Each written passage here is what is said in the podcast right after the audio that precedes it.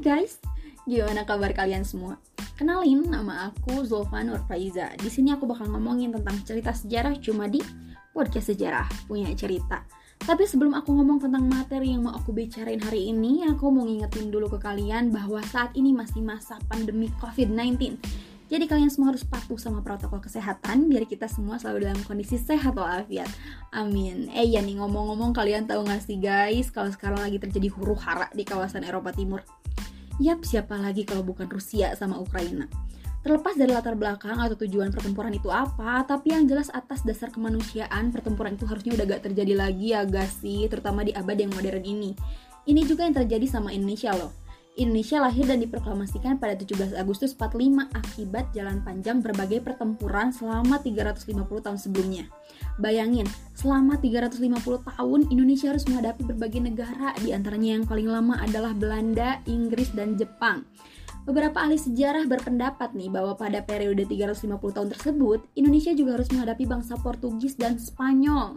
Jalan panjang ini yang harus kita syukuri bersama bahwa saat ini Indonesia masih berdiri sebagai negara yang makmur, adil dan berdaulat meskipun permasalahannya juga masih jadi pekerjaan rumah yang harus diberesin bareng-bareng.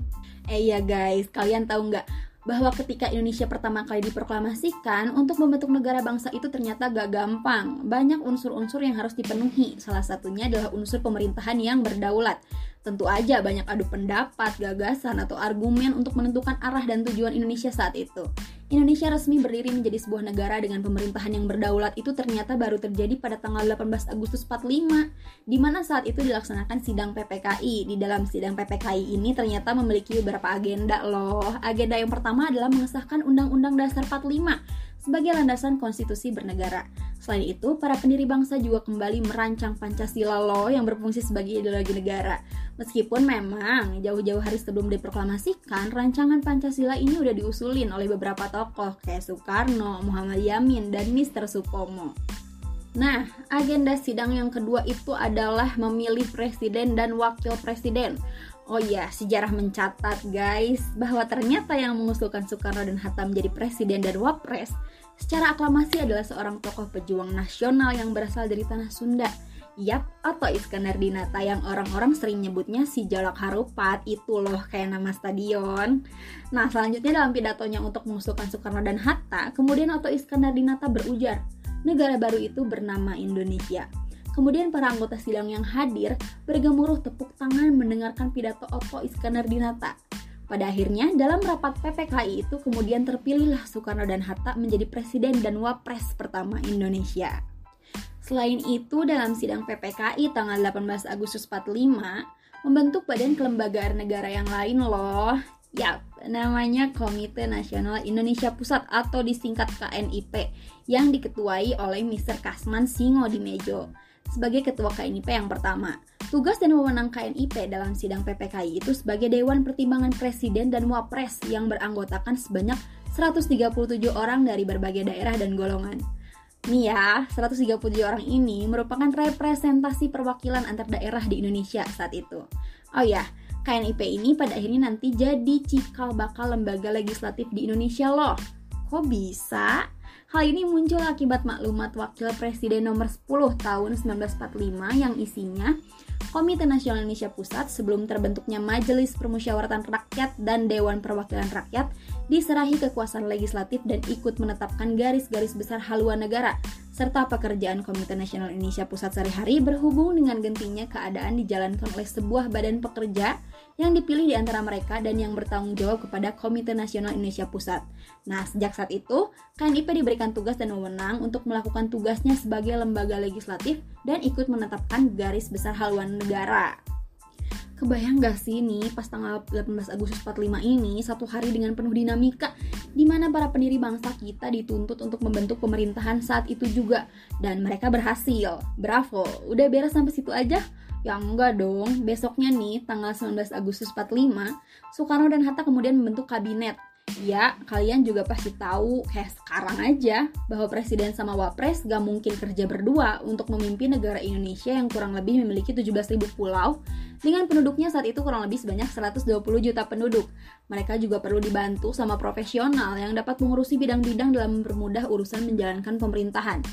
Kabinet ini nggak punya nama guys. Kayak sekarang nih era Pak Jokowi kan namanya kabinet kerja era PSB namanya kabinet Indonesia Bersatu.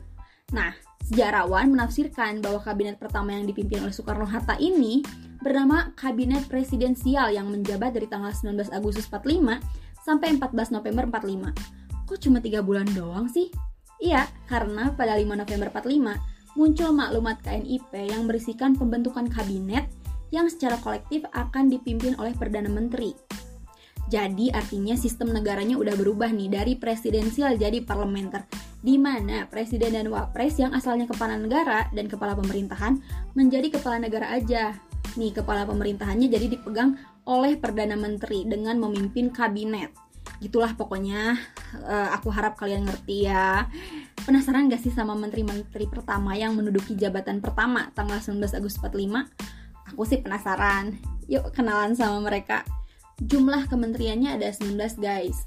Menteri Luar Negeri dijabat oleh Mr. Ahmad Subarjo, Menteri Dalam Negeri dijabat oleh RAA Wiranata Kusuma, dengan wakilnya Mr. Harmani, Menteri Keamanan Rakyat dijabat oleh Supriyadi nih. Dan karena Supriyadi tidak diketahui di mana rimbanya dalam perjuangan, kemudian dia digantikan oleh Sulyodi Kusumo. Menteri Kehakiman dijabat oleh Profesor Dr. Supomo, Menteri Penerangan dijabat oleh Amir Syarifuddin dengan wakilnya Ali Sastro Amijoyo. Menteri Keuangan dijabat oleh Dr. Samsi, Menteri Kemakmuran dijabat oleh Insinyur Surahman Cokra Suryo. Abi Kusno Cokro Suyoso menjabat dua kementerian sekaligus nih, yakni Menteri Perhubungan dan Pekerjaan Umum. Menteri Sosial dijabat oleh Iwa Kusuma Sumantri. Menteri Pengajaran dijabat oleh Ki Hajar Dewantara. Menteri Negara dijabat oleh Mr. Amir, Kiai Haji Wahid Hashim, Mr. Sartono, Mr. A. Amaramis, dan Otto Iskandar Dinata. Menteri Kesehatan dijabat oleh Dr. Buntaran Martoatmojo, Menteri Sekretaris Negara dijabat oleh Abdul Ghafar Pringgodigdo, Ketua Mahkamah Agung dijabat oleh Dr. Kusuma Atmaja, Jaksa Agung dijabat oleh Gatot Tarunami Harja dan juru bicara negara dijabat oleh Sukaryo Wiryo Pranoto. Itulah guys, daftar menteri pertama dalam sejarah lahirnya negara Indonesia. Selain itu, kita juga udah banyak ngomongin nih dinamika pas awal kebentuknya republik ini. Ternyata gak semudah yang kita bayangkan guys, banyak lika-liku yang terjadi. Tapi semoga tujuan aku dengan ngejelasin di podcast ini semoga berhasil. Salah satunya adalah supaya kita cinta ke tanah air kita ini dan kita bisa meneladani para pendiri bangsa yang udah bersusah payah berjuang mendirikan bangsa Indonesia ini. Ingat, tanpa para pendahulu kita, belum tentu kita bisa ada di sini kayak sekarang. Atau yang lebih jelasnya, belum tentu podcast ini bisa ada dan aku bisa ngomong ke kalian semua.